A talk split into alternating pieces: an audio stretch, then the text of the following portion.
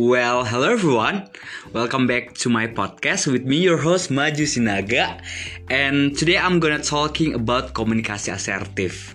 Long time no see you guys, but without further ado, yuk kita mulai topik kita hari ini yaitu komunikasi asertif. Komunikasi asertif kunci menyatakan perasaan dengan jujur. Menurut VA Healthcare, Komunikasi asertif suatu cara berkomunikasi dan mengekspresikan pikiran, perasaan, dan pendapat dengan cara membuat sudut pandang dan kebiasaan atau kebutuhan kita dimengerti dengan jelas oleh orang lain tanpa kita menyepelekan pikiran, perasaan, atau pendapat mereka. Jadi, jadi asertif itu adalah gimana caranya kita menyampaikan pendapat dan perasaan kita secara terbuka dan jujur. Pantas, tapi tetap respect terhadap orang lain. Siapa sih di dunia ini uh, yang nggak seneng kalau dihargai, yang nggak seneng kalau merasa direspekin? Ya, semua orang butuh itu dong. Jadi, komunikasi asertif sangat penting karena supaya orang lain bisa mengerti dengan jelas apa sih yang kita rasain dan apa sih yang kita pikirkan dalam hidup ini. Jadi, kunci dari asertif ini ya saling menghargai yang pada akhirnya bisa kasih kenyamanan satu sama lain buat ngobrolin permasalahan dan cari jalan tengah yang paling enak untuk kedua belah pihak. So guys, itulah gambaran dari uh, komunikasi asertif. And then emang sampai situ nggak sih No, no, no, no.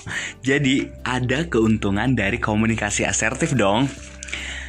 Yang pertama, menjadi rekan kerja atau partner yang baik dan hebat sehingga orang lain akan melakukan hal yang sama kepada kita karena saling menghargai itu dong ke, salah satu keuntungan dari komunikasi asertif dan yang dan yang kedua ketika kita bisa bernegosiasi dengan hasil win-win solution maksudnya ialah menguntungkan kedua belah pihak oke okay?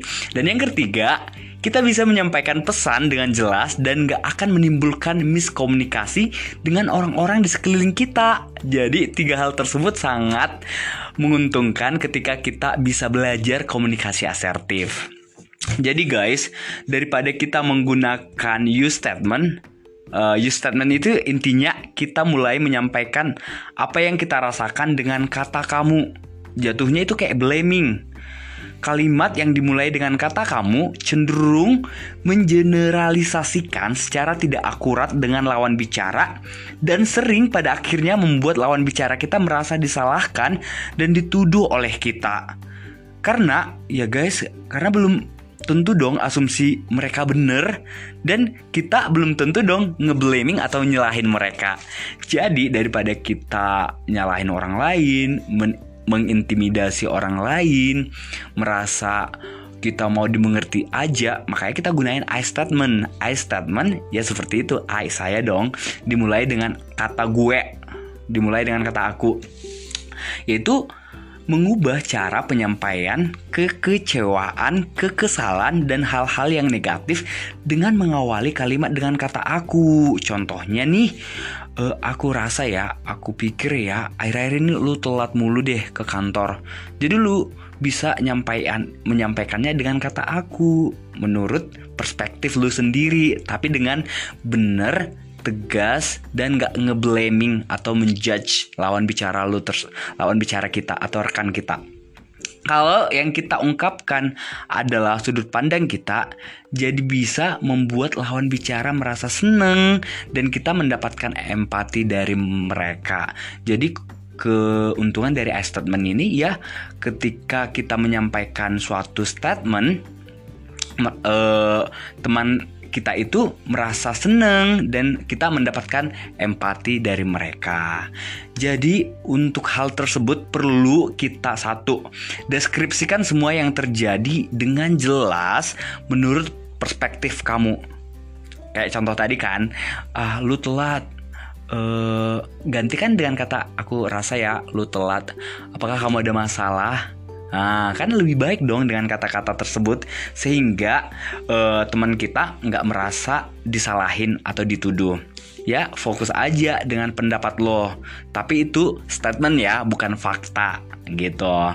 Yang kedua, beritahu dampak terhadap kejadian tersebut untuk dirimu dan uh, apa yang menjadi efek dari hal tersebut. Contohnya untuk pekerjaan dan aspek-aspek kehidupan yang lain.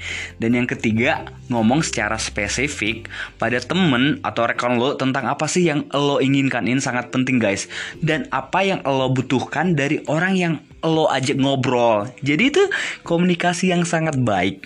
Jadi lo ngerti, lawan bicara lo paham, dengan etika yang baik dan pada akhirnya komunikasi asertif ialah perpaduan dari komunikasi yang tidak baik contohnya komunikasi pasif, komunikasi agresif, komunikasi pasif agresif. Jadi ini menjadi komunikasi yang sangat baik dan cocok untuk kehidupan kita. Memang nggak mudah ya guys, tapi butuh banyak latihan ya praktekin aja intinya gitu.